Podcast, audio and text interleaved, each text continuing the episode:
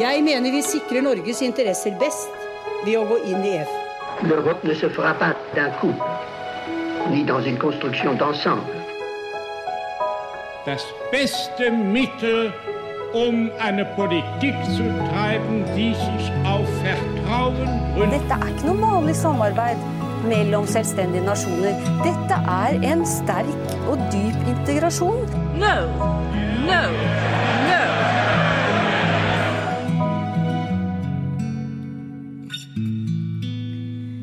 Velkommen til Det europeiske kvarter, en podkast om europeisk politikk og historie med Lise Rye og meg, Kristine Graneng, på europastudier på NTNU. Og nå er vi tilbake i studio etter sommeren, Lise. Det er vi. Vi, er, vi starter på vår eh, sjette sesong. Det gjør vi. Og på Dragvoll er studentene på plass, og vi, vi ser veldig fram mot et nytt semester. Men før vi gir oss fullt i kast med det nye semesteret, så skal vi også ta et lite steg tilbake til det som har vært. For uh, hvert år, så, eller iallfall de siste årene, så har eh, Program for europastudier i samarbeid med EUs delegasjon til Norge delt ut eh, priser til den beste bachelor- og masteroppgavene. Det gjør vi. Ja, vi har samarbeida med EUs delegasjon til Norge i en del år nå. og Eh, gjennom dette samarbeidet da, så kårer vi hvert år vinneren av den beste bacheloroppgaven og den beste masteroppgaven i europastudier. Og det er jo ganske ofte oppgaver som setter lys på veldig aktuelle tema. Og det vi skal snakke om i denne episoden, det er også et tema vi har vært litt innom før. Men eh, Tuva Nesheim Flatebakken, som vant prisen for beste bacheloroppgave i år, hun skal hjelpe oss å, å gi et litt nytt perspektiv på, på det temaet, nemlig eh, nordisk eh, forsvarssamarbeid og nordiske landene sin tilknytning til nettopp EUs forsvars- og sikkerhetssamarbeid. Ja, det stemmer. Velkommen til oss, Tuva. Tusen takk. Så kjekt at du tok deg tida til, til, å bli med og snakke om det her, for det er virkelig et interessant tema som, som eh, jeg har lurt ganske mye på det siste året. Fordi eh, det skjedde jo en, en skikkelig sånn reorientering i den nordiske sikkerhetspolitikken etter Russlands fullskala invasjon av uh, Ukraina i februar 2022. Og både Sverige og Finland har jo, som vi vet, søkt Nato-medlemskap. Finland har, har blitt Nato-medlem. Mens Danmark gikk for fullt inn i EU sitt uh, sikkerhets- og forsvarspolitiske samarbeid etter en folkeavstemning. Og det her var jo på mange måter ganske overraskende. Og, og som du viser i, i, oppgaven din, som heter nettopp Europeisk forsvarssamarbeid fra et nordisk perspektiv, en kvantitativ analyse av hva som driver den nordiske opinionens støtte til økt forsvarssamarbeid i EU, så var jo også eh, Det var ikke bare elitene som, som ombestemte seg eller, eller endra retning, men det skjedde også en del i, i opinionen. Så det skal vi snakke om med deg nå, Tuva. Og aller først da, så vil jeg spørre, hva var det som fikk deg til å vil skrive om akkurat det temaet? Det var kanskje først og fremst interesse. At jeg har interesse for både sikkerhetspolitikk og for public opinion. Og hadde lyst til å kombinere det. Og så er det jo veldig aktuelt i tillegg, da. Det har skjedd mange interessante ting um, sikkerhetspolitisk i EU i det siste. Og også så har jo ting endret seg etter invasjonen av Ukraina. Da med den nordiske reorienteringen, som du nevnte. Uh, og det åpner jo for at uh, det kan bli nye former for samarbeid i Norden. Både gjennom Nato og gjennom EU-rammene. Og det har jo betydning da for nordisk sikkerhet som helhet og for norsk sikkerhet. Og jeg fant veldig lite litteratur fra før på akkurat dette med nordisk opinion og hva folk flest mener. Og det er jo også viktig hvis det skal bli tettere samarbeid framover. Da. Så det hadde jeg lyst til å skrive mer om det. Mm.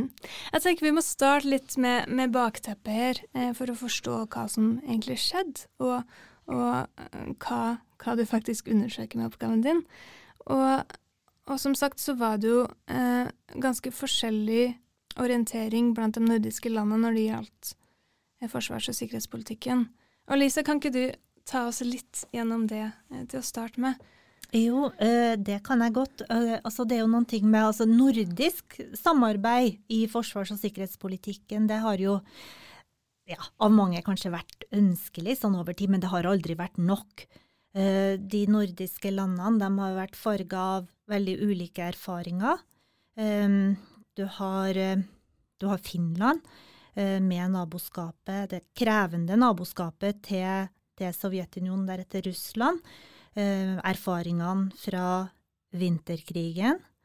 Så har, du, så har du, Sverige, som, som, vel ikke har vært i krig siden 1814. Eh, og som har, eh, holdt, eh, som har valgt nøytralitet, motsatt Finland, som har måttet forholdt seg nøytral. Og så har du Danmark og Norge og Island som alle gikk inn i Nato i 1949, litt på grunn av det som skjedde med Finland og det presset som Finland ble utsatt for fra Sovjetunionen. Så ja, det har ikke ligget til rette for nordisk samarbeid, og de nordiske landene har også forholdt seg forskjellig til europeisk og transatlantisk samarbeid. Men så skjer det jo noe eh, ikke bare med, med, krigen i Ukraina, men, men, også litt tidligere. Og det skriver du om i oppgaven din innledningsvis, Tuva. Og hva, hva, er det som har skjedd som, som, gjør at vi får en sånn ny diskusjon om, om sikkerhetspolitikken?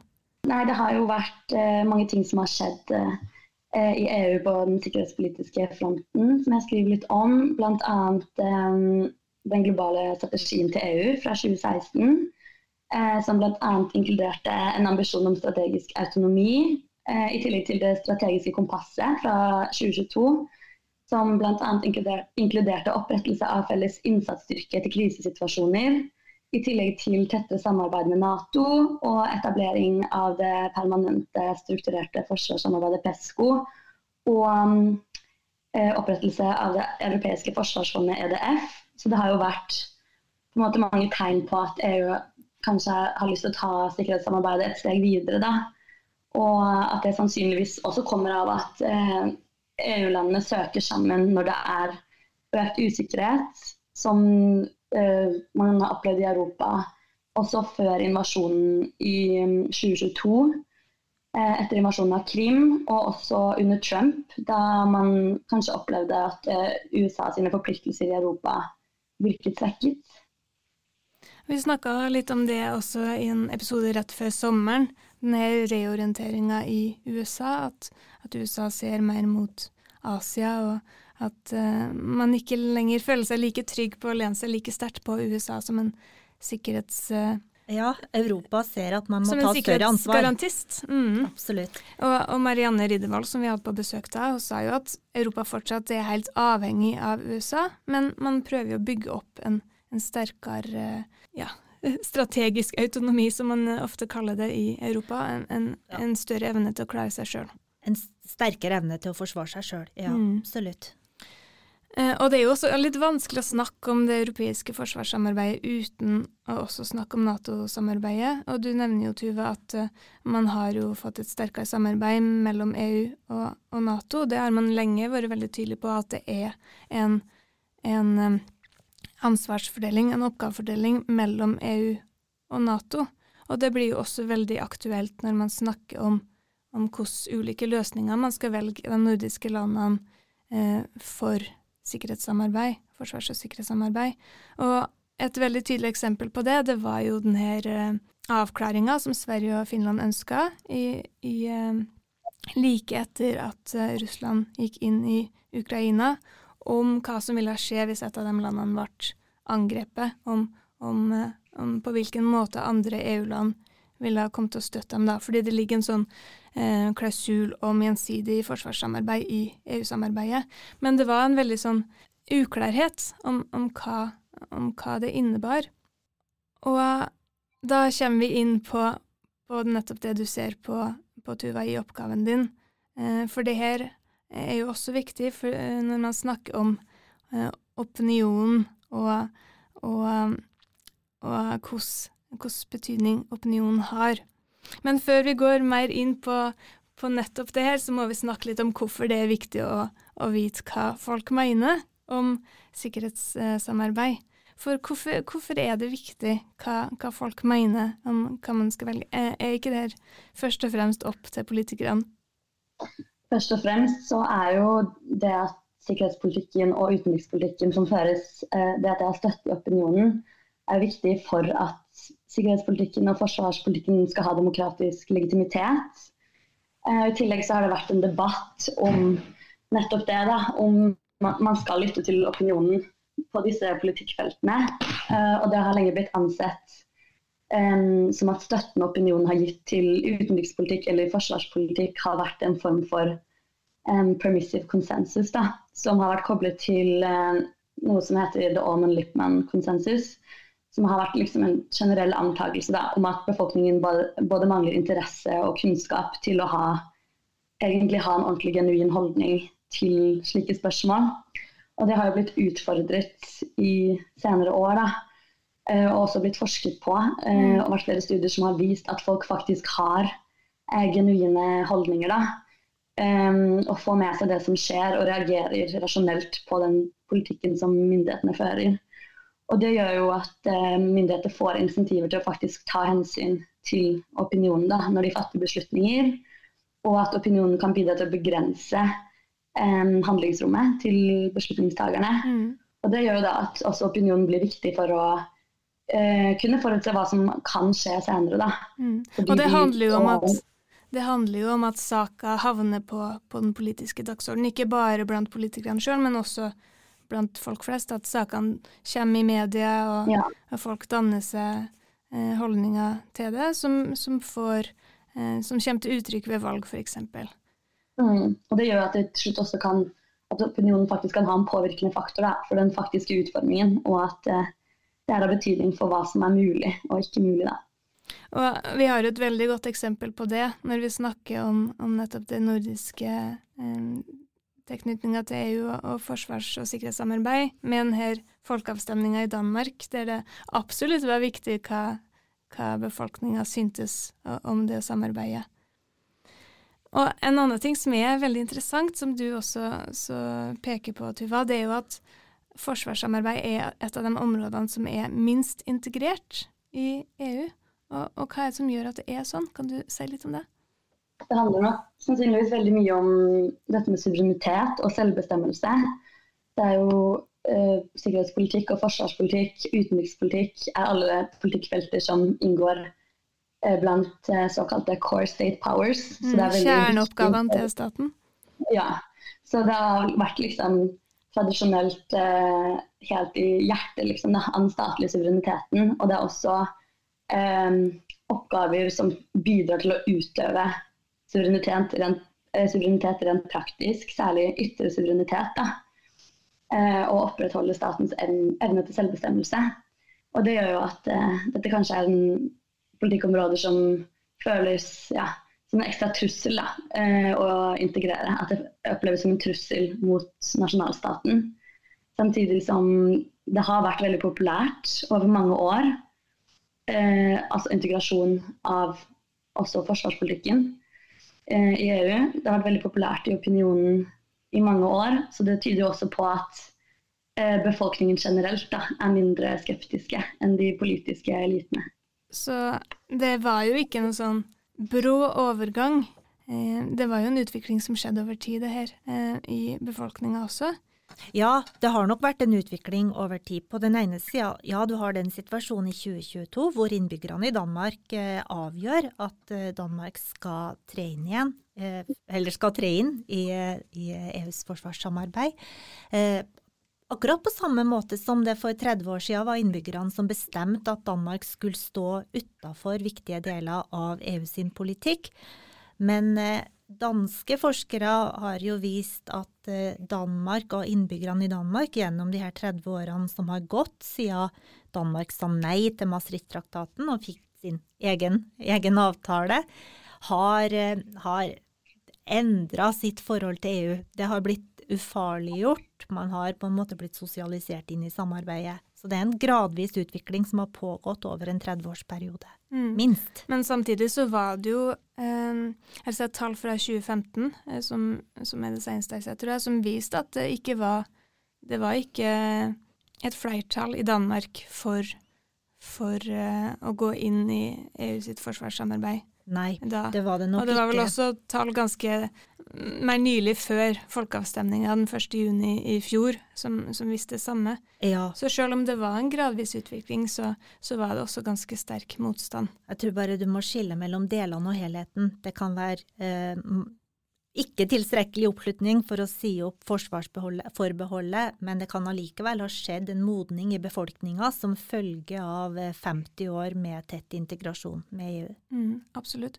Og det tar oss til funnene dine, Tuva. For det du har sett på, det er oppslutninga om økt europeisk forsvarssamarbeid i, eh, gjennom data som, som ble henta inn sommeren 2022. Og det her er jo midt eh, i da eh, det her skjer. Det er eh, ca. en måned etter at eh, Finland og Sverige søkte om Nato-medlemskap, og, og den samme måneden som, som Danmark eh, stemte for å gå inn i EU sitt forsvars- og sikkerhetssamarbeid. Og hvordan ser eh, det ut i de her tre nordiske landene da? Hva, hva mener folk om, om økt eh, europeisk forsvarssamarbeid? Eh, Når undersøkelsen ble gjennomført, så oppga store majoriteter i alle de tre nordiske EU-landene, og i resten av EU som helhet også, at de enten var helt enig eller delvis enig i at forsvarssamarbeid på EU-nivå burde økes.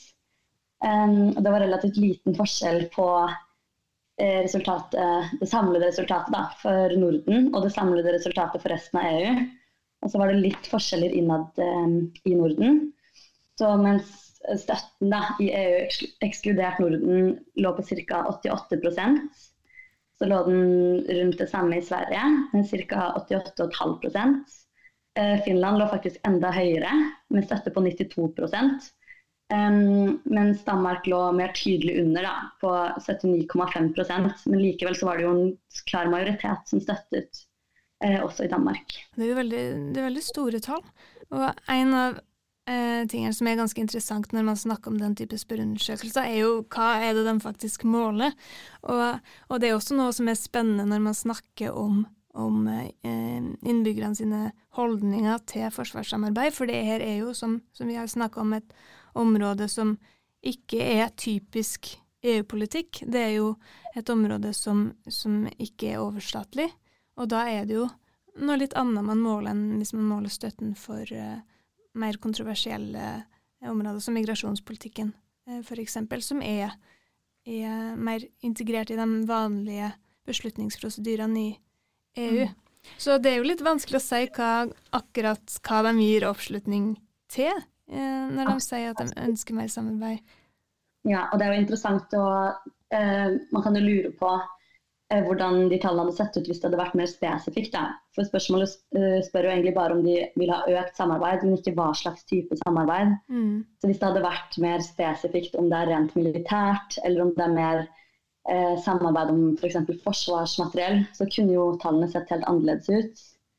Eh, og det hadde også vært interessant å se hvor høy støtten hadde vært hvis det f.eks. hadde eh, vært et spørsmål hvor det innebærer at også forsvarsbudsjettene må økes, f.eks. Om folk hadde vært like positive da. Mm. I den danske debatten som jeg har sett litt på, om forsvarsforbeholdet, så, så var det jo en del diskusjon om en EU her, f.eks., som er et tema som, som virkelig eh, setter følelsene i, i spill hos mange. Og, og det er jo en sånn type forslag som, som går i retning av mer eh, Men kanskje, kanskje har det òg litt med det å gjøre at eh, EU og sam forsvarspolitisk samarbeid i EU blir ikke lenger oppfatta som noe som konkurrerer med Nato-samarbeidet.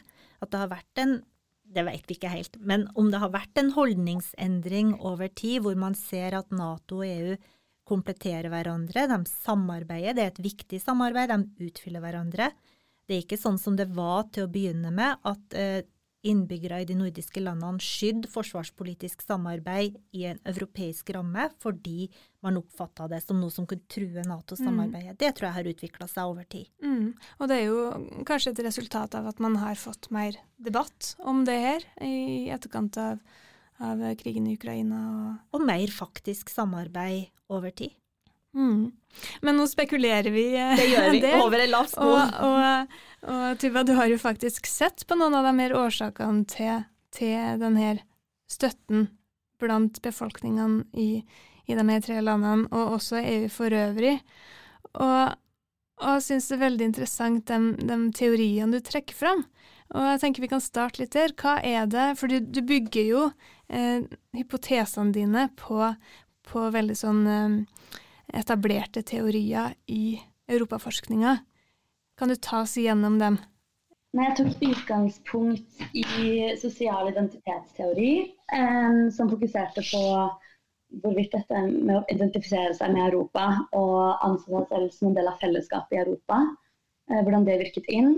Eh, ja, fordi man forklarer jo gjerne støtte til EU med at man føler seg europeisk, eller i motsatt retning støtte til ikke støtte til EU ved at man føler seg mer um, tilknytta nasjonalstaten. Ja. Jeg hadde med variabler som testet for dette med identifikasjon da, og det å føre tilhørighet. Eh, som egentlig gjorde eh, overraskende lite utslag da, i de resultatene jeg fikk. Og så I tillegg så testet jeg for eh, mer utilitaristiske forklaringer, som fokuserte på hvor mye man vurderer at man har å tjene på et slikt samarbeid i forhold til eh, nasjonale kapabiliteter og i forhold til hvilke andre alternativer man har.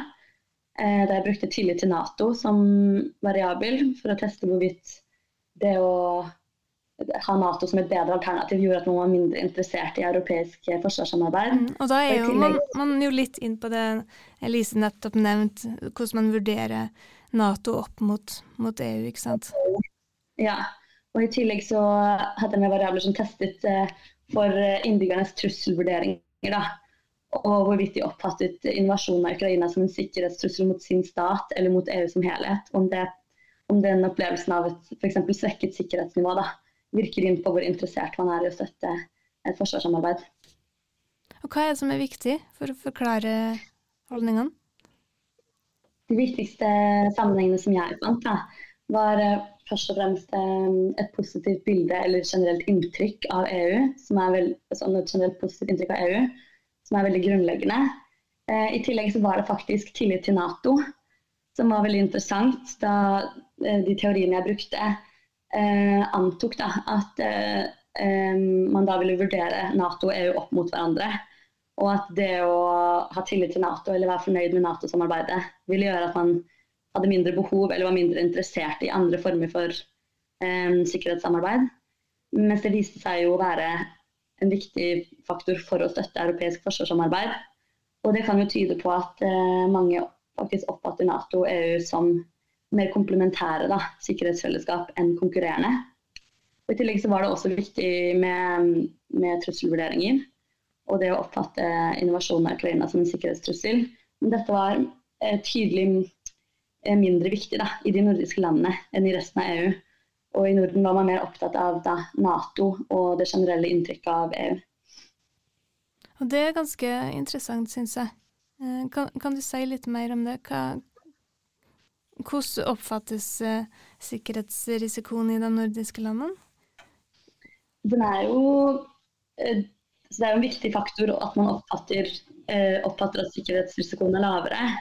Men det er jo vanskelig å si om, det, om dette er noe som at folk flest oppfatter det og samtidig støtter EU-samarbeid, eller om det er derfor de støtter EU-samarbeid. Um, og det var også markant eh, færre i Norden som opplevde at EU eh, e som fellesskap var truet. Da. Mens dette var kanskje den viktigste sammenhengen i resten av Europa. Uh, så det virker ikke som det er, det er en viktig faktor, men ikke den viktigste for, uh, for nordisk opinion. Mm.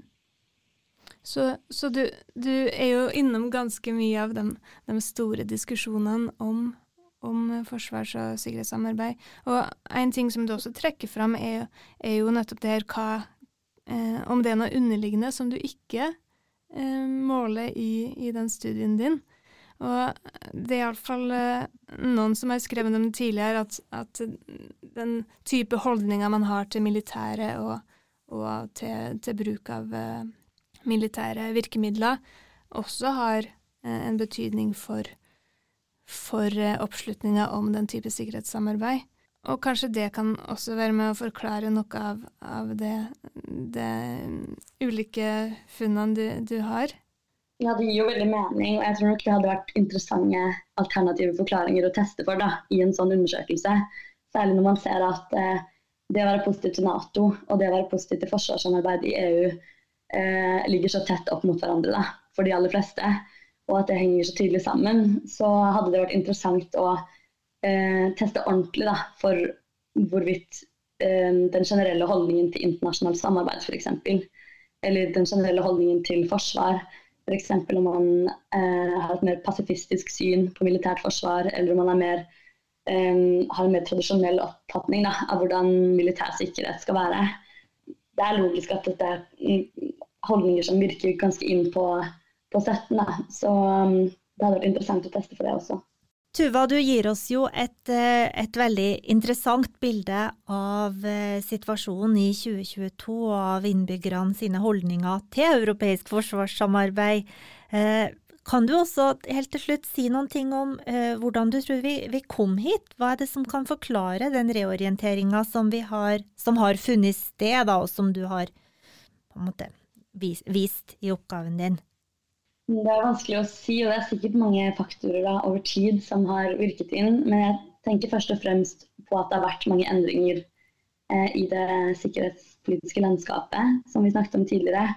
At eh, både den danske opplevelsen av forsvarsforbeholdet og bruddet med svensk og finsk alliansepolitikk oppleves jo som tydelige reaksjoner på den russiske invasjonen av Ukraina, men også på ting som har skjedd tidligere med um, økt russisk aggresjon over tid, og også det at uh, det har vært usikkerhet rundt uh, USAs engasjement i Europa, uh, og at USA har flyttet fokuset mot Asia og mot Kina. Og det virker som da slike eksterne kriser da, eller økt usikkerhet over tid gjør at EU-statene søker mot hverandre da, for å bli mer motstandsdyktige. og I tillegg så tror jeg at stater som har vært veldig opptatt av opptatt av nasjonal suverenitet og ansett liksom, sikkerhetssamarbeid som en trussel mot eh, suvereniteten.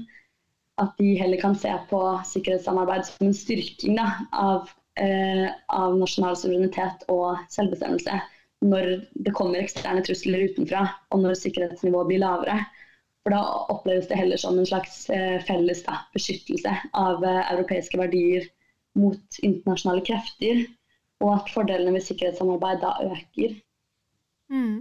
Og jeg synes nå, Vi har jo snakka litt om det allerede, men, men, det er jo interessant hvordan alle de her faktorene eh, påvirker oppfatningene til, til innbyggerne, og, og, akkurat på en måte hva som, hva som eh, kommer til uttrykk. Eh, og det er, jo, det er, jo, ikke sikkert at folk er så bevisst på det sjøl, hva, hva, de faktisk eh, hva som endrer seg i egne oppfatninger. Men, men, du peker jo på noen ting som at, at det fortsatt er veldig høy tillit til Nato, f.eks. At, at det ikke har så stor betydning.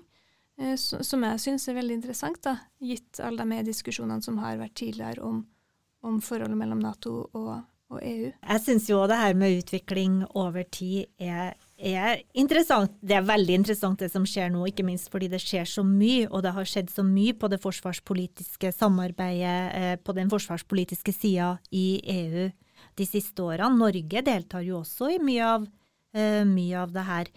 Eh, men det er interessant med utviklinga over tid, for det er jo sånn at man har jo veldig lenge, egentlig helt fra starten, forsøkt å få til et forsvarspolitisk samarbeid i EU. Og, og ganske ofte, i hvert fall i starten, så var jo et, et hinder for det at dem som ville ha Altså du hadde et land som Frankrike for eksempel, som tok til orde for å utvikle et forsvarspolitisk samarbeid i EU, men det ble jo hindra av de andre landene som var redd for at det ville ødelegge forholdet til USA, og at det ville svekke, svekke Nato. Så på et sånt høyt høyt, litt abstrakt nivå, så har du en veldig, veldig lang lang utvikling her da, som jeg, som jeg syns er interessant. Og Hvis vi skal trekke det litt eh, tilbake til Norge, som vi ofte gjør, så, mm. så er det jo også interessant å se det her i forhold til de debattene som, som, går her. Og her har vi jo egentlig ikke hatt noe særlig diskusjon om EU sin forsvars- og sikkerhetspolitikk. Det er jo fortsatt en, en, eh, ja. en slags stille samtykking til, til den relativt ikke... sterke tilknytninga som Norge har uten at det er noe, noe mer diskusjon om det. Ja, Tuva var jo inn på det. Hun nevnte jo mange av de her nye, nye initiativene. Um, PESCO, um, det her um, europeiske forsvarsfondet, hvor jo, hvor jo Norge er, er, med. Og det, det, det, det er lite, lite debatt uh, om, uh, om det her. Det her er jo noe vi har snakka om eh, også i tidligere episoder av podkasten. Og jeg tenker sånn avslutningsvis så kan vi jo peke litt tilbake til noen av dem. Vi hadde jo en, en, en episode med Helene Sjursen der vi snakka om nettopp norske tilknytninger til utenriks- og sikkerhetspolitikken ja. til EU eh, for noen sesonger siden, som vi anbefaler å, å gå Absolutt. tilbake til. Og Absolutt. det er jo noen, noen, ting som har skjedd siden da, som, som gjør det enda mer aktuelt at, at vi følger med og, og, diskuterer det her i Norge også. Og Tuva, du viste jo til eh, det strategiske kompasset eh, i starten av denne episoden, f.eks. Det skjer hele tida ting som, som gjør at det er nyttig å og holde seg oppdatert på det som skjer i EU. Og da er det også spennende å se etter hvert om, om det skjer noen ting i den norske befolkninga som, som, kan gjøre at uh, det kommer et nytt moment, uh, momentum til den norske EU-debatten. Jeg tenker vi, vi, runder av der. Tusen takk for at du ville prate med oppgaven din, Tuva. Hva er det du skal gjøre videre nå? Etter bachelorgraden? Nå skal jeg til Aten og være der i tre måneder og være praktikant i Innovasjon Norge.